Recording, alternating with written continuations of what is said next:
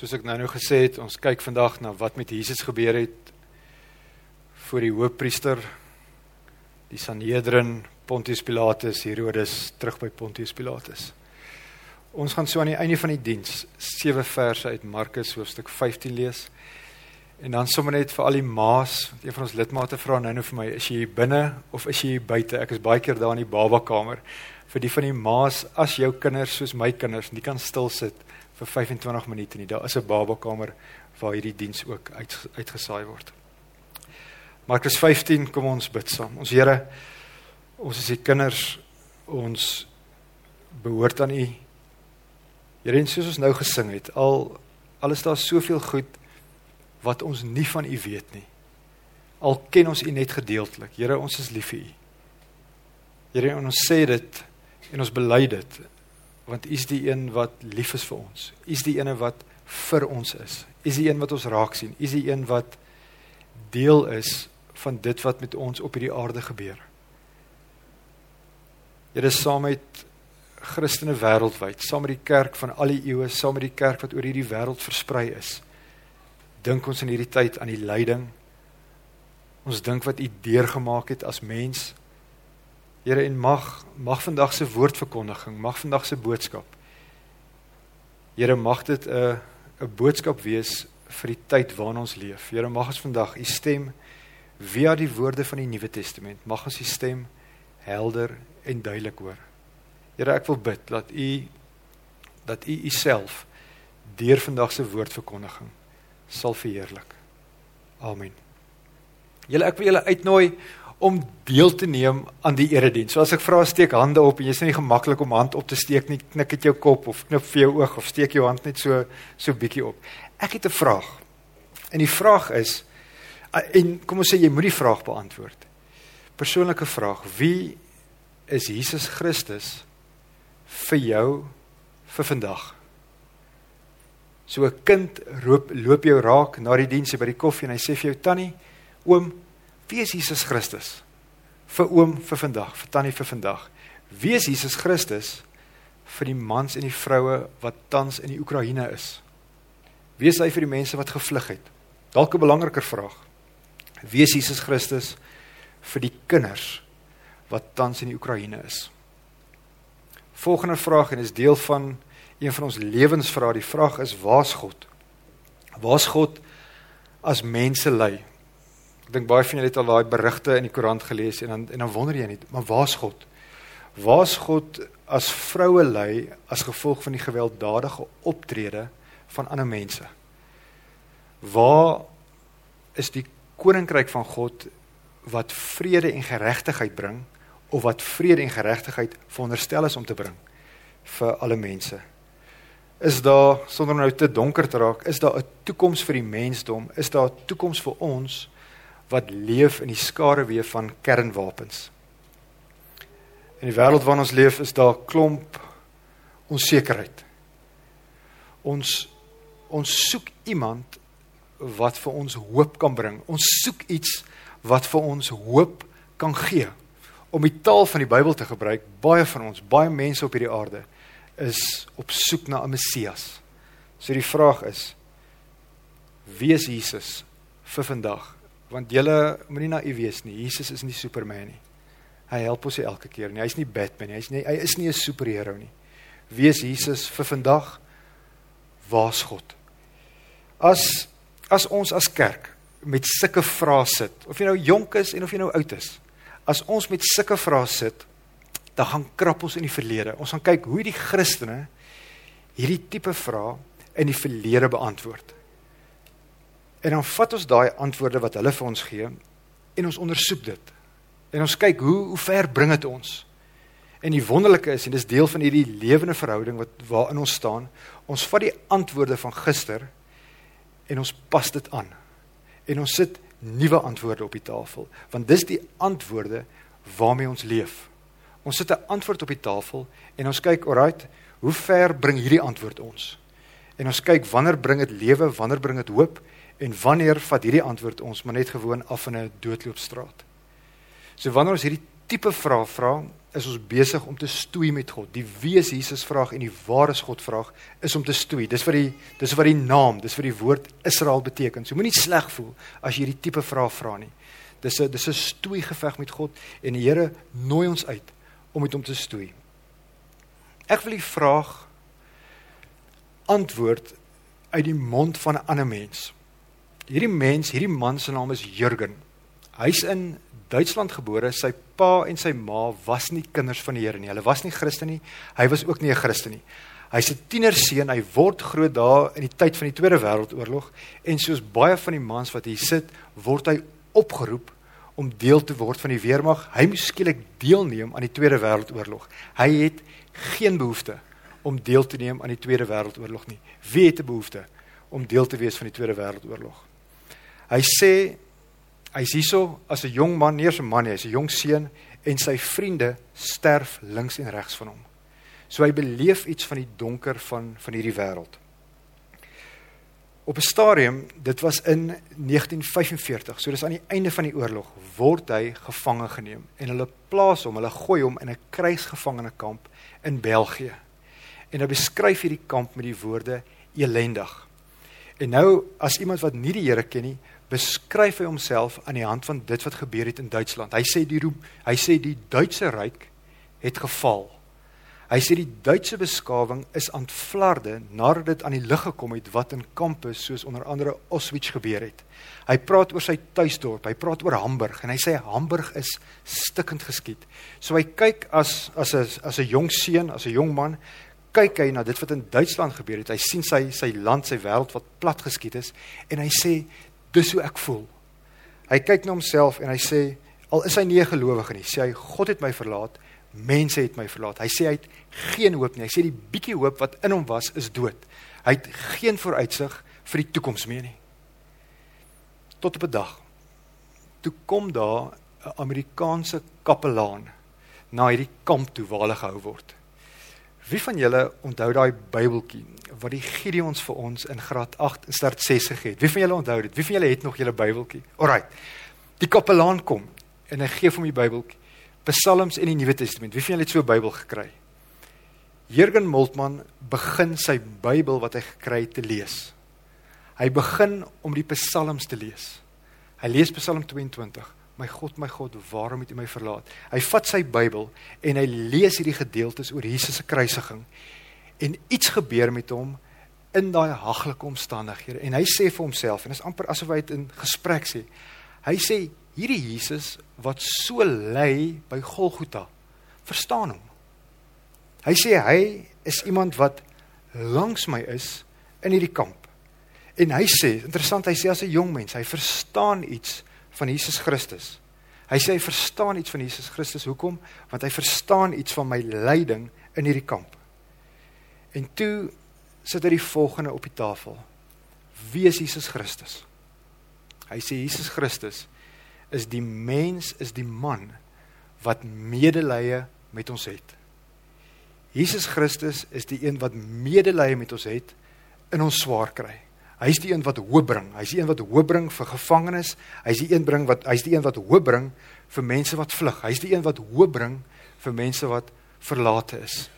So Jürgen Moltmann sien Jesus Christus as die God wat gekruisig word.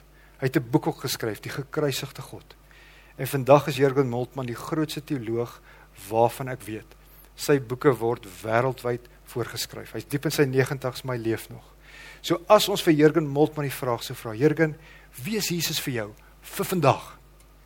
Dan sal hy sê hy's die een wat medelee met ons swaar kry het. Alraight. Nuwe Testament. So wat ons nou gaan doen, ons gaan kyk wat met Jesus gebeur het vandat hulle hom gevange geneem het volgens die Markus Evangelie het Jesus en sy disippels op die donderdag aand voor sy kruisiging die Pasga gevier. Hulle het die Pasga maaltyd geëet. Toe gaan hulle uit die stad uit, uit Jerusalem uit en hulle gaan na die Olyfberg, na die tuin van Getsemane. Wie van julle was al in die tuin van Getsemane? Kan ek gesien? Alraai, ek gedink was hulle 'n paar mense wees wat daar was. By die tuin van Getsemane word Jesus gevange geneem die woorde wat ons Afrikaanse vertaling gebruik om iets van Jesus se emosies te beskryf is die volgende. Die 83 vertaling sê Jesus voel doodsbenoud. Die nuutste amptelike Afrika nuutste amptelike Afri Afrikaanse vertaling sê vir ons Jesus se siel is diep bedroef. Die nuwe vertaling sê iets van Jesus se emosies. Hulle sê hy het intense angs beleef. Jesus bid. Laat hierdie lydingsbeker by my verbygaan. Een keer, twee keer, drie keer en God antwoord hom nie. Ons kan sê die Here antwoord hom. Hy antwoord hom deur te sê hierdie lydingsbeker sal verby jou gaan, maar hy sal verby jou gaan soos wat jy hom drink. So wees Jesus Christus vir ons vir vandag. Hy's die een wat medelee met ons het wanneer ons ook doodsbenoud voel. Hy's die een wat medelee met ons het wanneer ons ook bang is. Ek het in hierdie week baie informeel informeel met 'n man gesels, 'n groot man. Praat, praat, praat. Nee, dit gaan goed, lekker, lekker, alles goed. Hier na 0.5 sê hy vir my hy is hy is verskriklik bang. En toe begin hy goed uit te pak. Wie is Jesus Christus vir ons? Vir ons as mans wat baie keer bang is, vir ons as vroue wat baie keer net doodsbenoud voel. Hy's die een wat weet hoe ons voel. Want hy het ook daai emosies beleef. Ons lees in die Markus Evangelie dat al Jesus se disippels weggehardloop het toe hy gevange geneem is. Dis interessant, nie een van hulle was 'n held nie. In Markus 14 vers 50 staan daar almal het hom in die steek gelaat. Van tyd tot tyd gebeur dit, dit het dalk al verskeidelik gebeur in jou lewe dat 'n vriend van jou of 'n familielid of 'n eggenoot jou in die steek laat. Wie is Jesus Christus as ons mense ons in die steek laat?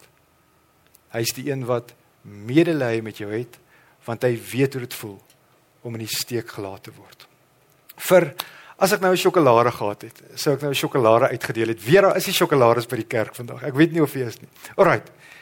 Markus 14 vers 50 sê vir ons almal het hom in die steek gelaat. Behalwe een man.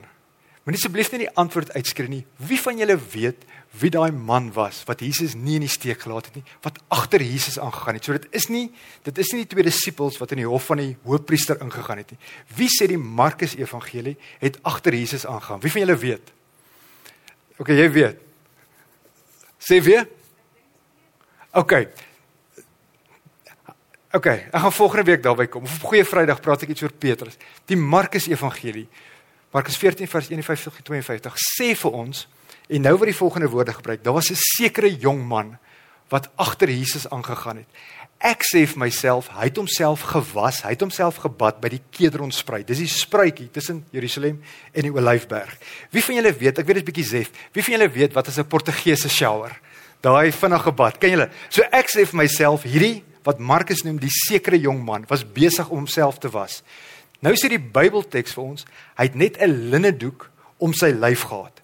So hy's hy's kaal, hy het 'n linnedoek om sy lyf en hy gaan agter Jesus aan. Die soldate sien hom. Markus 14:51-52. Hulle sien hom. Hulle gryp hom aan sy doek, aan sy linnedoek en hy kom weg. Hy's die eerste kaalnaler waarvan ons lees in die Nuwe Testament. Ons weet nie. Ons weet nie wie die man was nie. Interessant, die kenners van Markus, hulle weet ook nie, so niemand weet nie van die kenners van die Markus Evangelie sê vir ons dit was moontlik Markus self. Dit was sy manier om te sê ek was daar. Ek het gesien wat met Jesus Christus gebeur het. So hulle neem Jesus gevangene. Die Griekse teks sê vir ons hy's geboei agter sy hande en dan is daar so 'n suggestie in die teks dat hulle Jesus gedraai het want hulle gebruik die woorde hulle het hom weggeneem. So hulle het sy hande en waarskynlik of dalk ook sy voete geboei en hulle vat hom na Annas toe vir 5 punte. Wie van julle weet wie was Annas? Alraight, om om iets van Annas te verstaan, gebruik asseblief julle verbeelding. 'n Familiebesigheid. 'n Pa het oor 3, 4, 5 dekades 'n besigheid opgebou. Toe vervang sy seun hom as die CEO of as die MD van die maatskappy. Maar hierdie pa kan nie laat gaan nie. Hy's nog elke dag by sy besigheid. Wie van julle ken daai situasie? Ek het 'n vriend, een van my beste vriende, se pa is so. Hy het 'n fabriek opgebou daar in die Noord-Kaap, maar hy sê vir my sy pa is 3, 4 dae week daar. Sy pa sal ja, amper 80 goed, maar hy kan nie sy besigheid laat gaan nie. Dis in 'n sekere sin wie Annas was. Annas was die hoofpriester van die jare 6 tot die jare 15. So hy was nie meer amptelik die hoofpriester nie, maar hy was 'n uiters invloedryke man in Jerusalem in die Joodse gemeenskap. So Jesus is gekruisig hier rondom die jaar 33, hoofpriester vanaf die jare 6 tot die jare 15. En interessant, die Bybel verwys baie keer na hom as die hoofpriester. So hy het nie meer amptelik die titel hoofpriester nie, sy skoonseun was die hoofpriester, maar hy's nog hy's nog eintlik die ou wat die kitaar slaan daar in Jerusalem. So en hierso en hierso is nou nie presies seker wat het waar gebeur nie, maar terwyl Jesus by die Joodse leiers was, is daar 'n klomp vrae wat aan Jesus gestel word. En dis hier waar Petrus vir Jesus verloon. Interessant as jy die evangelies gaan lees in hierdie in hierdie ure noem Jesus nie vir Petrus Petrus nie. Wat noem hy hom? Simon. Petrus beteken rots. Jy's die eyster, jy's die man. Hier Jesus weet hy gaan hom verloon. Hy noem hom Simon. En Petrus sê 3 keer ek ken nie daai man nie. En op 'n stadium baie interessant gee sy aksent hom weg. Wie van julle ek? Wie van julle kom van die Kaap? Ek ek ja. Baie keer mense wat van 'n sekere deel van die wêreld kom met 'n aksent. Petrus hulle kom van Galilea af en op 'n stadium ons lees dit in die Bybel gee sy aksent hom weg en hulle sê maar jy's 'n Galileer, jy's ook 'n volgeling van Jesus van Nasaret. So Petrus verloon vir Jesus 3 keer 'n haankraai of haankraai vir die tweede keer en dan gebeur daar 'n baie interessante ding. Lukas 22 vers 61. Jesus Christus draai om en hy kyk vir Jesus stip aan. So Petrus se oë ontmoet Jesus se oë. En ek dink dis daar waar dit Petrus bygeval het dat Jesus vir hom gesê het jy gaan my verloon en hy hardloop uit en hy huil onbedaarlik. So Jesus Christus tuin van Getsemane, Annas, dan word hy gevat na Kajafas. Wie van julle weet wie was Kajafas? Vat 'n raai. Kajafas was die amptelike hoofpriester. So hy was hoofpriester van die jare 18 tot die jare 36. Hoewel sy skoonpa, soos ek nou-nou gesê het, nog eintlik die baas was, was Kajafas vir bykans twee dekades die amptelike hoofpriester. Vanaf Kajafas vat hulle vir Jesus na die volle Joodse raad. Die Joodse raad het bekend gestaan as die Sanhedrin.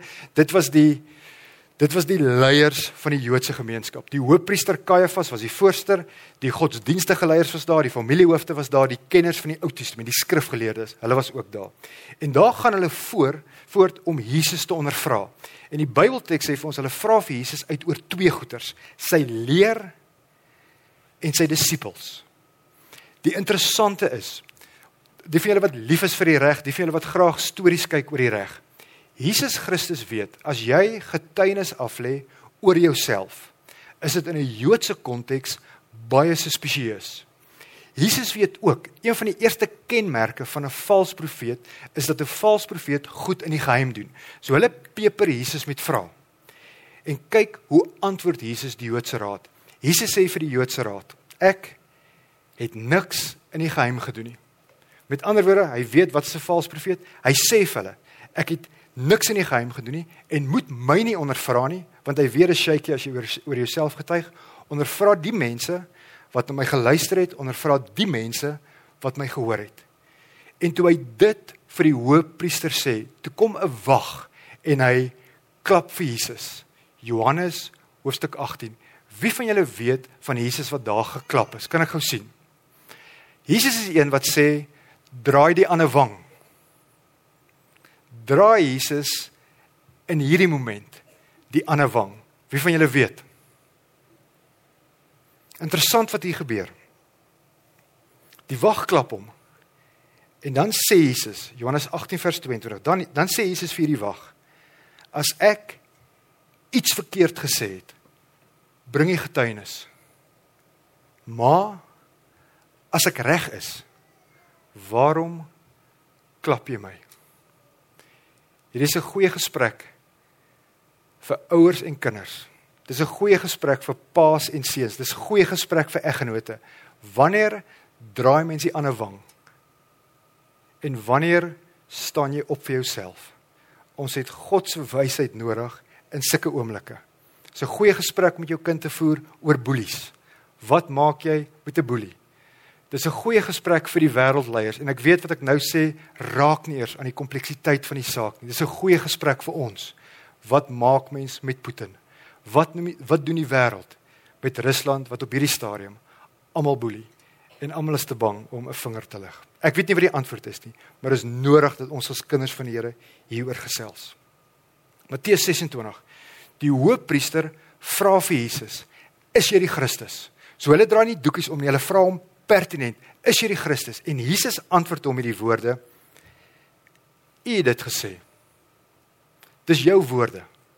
So Jesus vra vir hom: "Is jy die Christus?" Jesus antwoord hom: "U het dit gesê." Ek gaan nou iets hieroor sê. Ek gaan iets sê wat by Pontius Pilatus ook gebeur het want hy antwoord Pontius Pilatus op dieselfde manier. Dis interessant wat Jesus hier doen. Die hoofpriester vra die vraag: "Is jy die Christus?" En Jesus sê: "U sê dit. Wat gaan nie aan?" Die hoofpriester het 'n sekere verstaan van wie die Christus is. Hy's 'n Jood. So hy vra uit sy verstaansraamwerk: "Is u die Christus?" En Jesus Christus ontken dit nie, want Jesus Christus verstaan sy messiaskap op 'n sekere manier en sy verstaan verskil van die Joodse leiers se verstaan. Maak dit vir julle sin? So Jesus ontken dit nie. Maar Jesus sien die feit dat hy die Christus is heeltemal anders as hoe die hoofpriesters dit sien. En hierdie is vir die Jode die teologiese rede hoekom hulle Jesus wil doodmaak. Hulle sê die woord wat gebruik word, hulle sê dit is godslasterlik. As jy jouself as die Christus voordoen, so die Jode het 'n rede om vir Jesus dood te maak, maar hulle is nie stupid nie. Moenie vir 'n oomblik dink die antieke mens was dom nie. Hulle is nie stupid nie. Hulle weet Pontius Pilatus gaan nie iemand teregstel wat nou een of ander godsdienstige uitspraak gelewer het. Pontius Pilatus is nie ge-worry oor die Jode se godsdienst nie. Die Jode weet dit. Maar nou vat hulle hom na Pontius Pilatus toe want kinders, ek weet dit is bietjie gruesome, die Jode het nie die mag gehad daar in Jerusalem om mense dood te maak nie. So hulle vat hom na Pontius Pilatus toe, die Romeinse goewerneur. So kom ons lees Markus 15 vers 1 tot 5. So dit was die Vrydagoggend vir volgens die Markus volgens die Markus Evangelie baie vroeg. Die môre vroeg het die priesterhoofde saam met die familiehoofde en die skrifgeleerdes Jesus, nee skus, die môre vroeg het die priesterhoofde saam met die familiehoofde en die skrifgeleerdes dadelik as 'n volle Joodse raad 'n vergadering gehou. Hulle het Jesus geboei en hom toe weggebring en aan Pilatus uitgelewer. Pilatus het vir hom gevra: "Is jy die koning van die Jode?" Dit 'n kantlyn opmerking, koning van die Jode was 'n titel wat die Romeinse ryk aan iemand gegee het. Jy het dit nie self toegeëien nie. So hy vra vir hom, "Is jy die koning van die Jode?" Marcus Antonius het byvoorbeeld vir Herodes koning van die Jode gemaak. "Is jy die koning van die Jode?" Jesus antwoord hom presies dieselfde as hoe hy die hoofpriester antwoord. "Dit is soos u sê." Letterlik 2020 vertaling, "U sê dit." Die priesterhoofde het hom van baie dinge beskuldig. Pilatus het hom toe verder ondervra verweer jy jou glad nie, het hy gevra. Kyk, waarvan beskuldig hulle jou alles? Jesus het egter niks meer gesê nie, sodat Pilatus, sodat Pontius Pilatus verbaas was. Net iets oor Pontius Pilatus en ons gaan so stadig maar seker klaarmaak. Pontius Pilatus was die heerser daar in Jerusalem en Judea vanaf die jare 26 tot die jare 36. Hy het 'n militêre agtergrond gehad van die ouens wat in die eerste eeu geleef het, van die ouens wat min of meer tydsgenote was van die disippels en van Paulus, sê vir ons 'n paar interessante goed oor oor Pontius Pilatus. Philo van die stad Alexandria sê vir ons hy was wreed, hy was onbuigsaam, hy was hardkoppig. Philo sê vir ons hy dikwels mense laat doodmaak sonder dat hulle 'n billike verhoor gehad het. Hy sê omkopery was in die orde van die dag toe Pontius Pilatus die goewerneur was en hy sê Pontius Pilatus is iemand wat dikwels mense laat martel het. Josefus wat ook in die eerste eeu geleef het wat nie 'n Christen was nie, hy was 'n Joodse geskiedskrywer. Josefus sê vir ons hy het dikwels die tempel se geld gevat en munisipale werke daarmee gedoen. Ons lees in Lukas 13 vers 1 dat hy op 'n stadium mense van Galilea doodgemaak het terwyl hulle hulle diere geoffer het. So Pontius Pilatus was was nie 'n goeie mens nie. Hy's in die jaar 37 is hy deur die Romeine onthef. Hulle het hom gefire want hy het 'n klomp Samaritane wreed aangeval. So as hy vir Jesus vra, is jy die koning van die Jode? En Jesus sê vir hom, u sê dit, is dit presies dieselfde wat gebeur by die hoofpriester. Ek as Pontius Pilatus het 'n sekere verstaan van wie die koning van die Jode is. Jesus het 'n heeltemal 'n ander verstaan van wie die koning van die Jode is. So hy ontken nie dat hy die koning is nie. Maar Jesus sê gewoon vir Pontius Pilatus deur die woorde te sê, "U sê dit," dat hulle twee se verstaan van die koningskap heeltemal dat hierdie dat hulle verstaan van koningskap heeltemal verskil. Pontius Pilatus en as jy Matteus, Markus, Lukas, Johannes gelees, gaan jy vinnig agterkom. Pontius Pilatus het geweet Jesus is onskuldig en hy het heeltyd na loopholes gesoek om Jesus vry te laat. Hy kom agter Jesus kom van die noorde, hy kom na van Galilea. En Herodes was die koning van die noorde. En Herodes was vir die fees was hy daar so in Jerusalem en is asof asof eh, Pontius Pilatus 'n bietjie van 'n skuiwer gehad hier sien en hy sê alraai, ek gaan jou stuur na Herodes toe dan hoef hierdie saak nie vir my te dien nie. Hy stuur vir Jesus na Herodes toe. Herodes ondervra vir Jesus Christus. Herodes het 'n fascinasie met met die godsdiens gehad. Ons lees as hy met Johannes die Doper te doen kry dat hy gedurig na Johannes die Doper geluister het. Hy wou hy wou graag luister na Johannes die Doper. So hy het 'n belangstelling in godsdiens gehad. Die Bybelteks sê vir ons hy het gehoop hy sien een of ander wonderwerk of 'n wonderteken wat Jesus verrig. Maar Jesus Christus is choopstil. Jesus sê nie 'n woord vir Herodes nie. Jesus het nie van Herodes gehou nie. Hy noem hom op 'n stadium hy sê jakkals. So Herodes stuur vir Jesus Christus terug na Pontius Pilatus. Pontius Pilatus, Matteus 27 kry 'n boodskap dat iemand 'n droom gehad het oor Jesus Christus. Wie van julle weet wie het gedroom oor Jesus Christus? Wie die donderdag aan, sy vrou. Ons lees in Matteus 27 dat Pontius Pilatus se vrou 'n droom gehad het oor Jesus Christus. En sy sê toe vir haar man: "Moet niks met hierdie onskuldige man te doen hê nie. Nuwe vertaling moet niks met hierdie regverdige man te doen hê nie. Maar Pontius Pilatus ignoreer sy vrou. En die Jode kom. Hulle het 'n teologiese rede hoekom hulle Jesus wil doodmaak. Hulle het ook 'n finansiële rede want hy was 'n bedreiging vir die tempelbesigheid.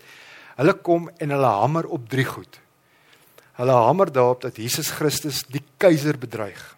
Want dit sou 'n rede gewees het hoekom Pontius Pilatus iemand wou doodmaak. Hulle hamer daarop dat hy vir die mense gesê het hulle moenie belasting betaal nie. Dit sou 'n rede wees en hulle hamer daarop dat hierdie man, dat hierdie Jesus 'n opstand of 'n oproer gaan veroorsaak. En die die Romeinse heersers was verskriklik bang vir 'n opstand. Hulle sou hulle sou gefire geword het of hulle sou doodgemaak geword het as daar in hulle magsgebiede opstand gekom het. En uiteindelik is dit vir Pontius Pilatus genoeg en hy gee Jesus oor om gekruisig te word. Twee verse. Markus 15 vers 15. Omdat Pilatus die mense hulle sin wou gee, het hy Barabbas te hulle losgelaat en Jesus en nou hierdie woorde laat gesel en hom oorgelewer om gekruisig te word. Julle dit voel vir my of my maag draai as ek iets moet sê oor die geseling. Dit was 'n verskriklike straf. Baie keer het die mense dit nie oorleef nie. Hoekom sê ek dit? Jesus Christus is die een wat medelee met ons het. Hy is die een wat weet hoe ons voel as ons as ons op 'n emosionele vlak seer het. Maar Jesus Christus is ook die een wat medelee met ons het wanneer ons fisiese pyn ervaar. Ek dink almal van ons het al iewers in ons lewe geweldige pyn ervaar.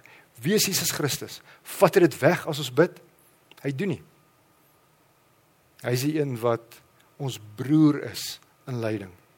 En dan uiteindelik stap Jesus Golgotha toe. Markus 15 vers 21. Die soldate het iemand wat daar verbygekom het, gekommandeer om Jesus se kruis te dra.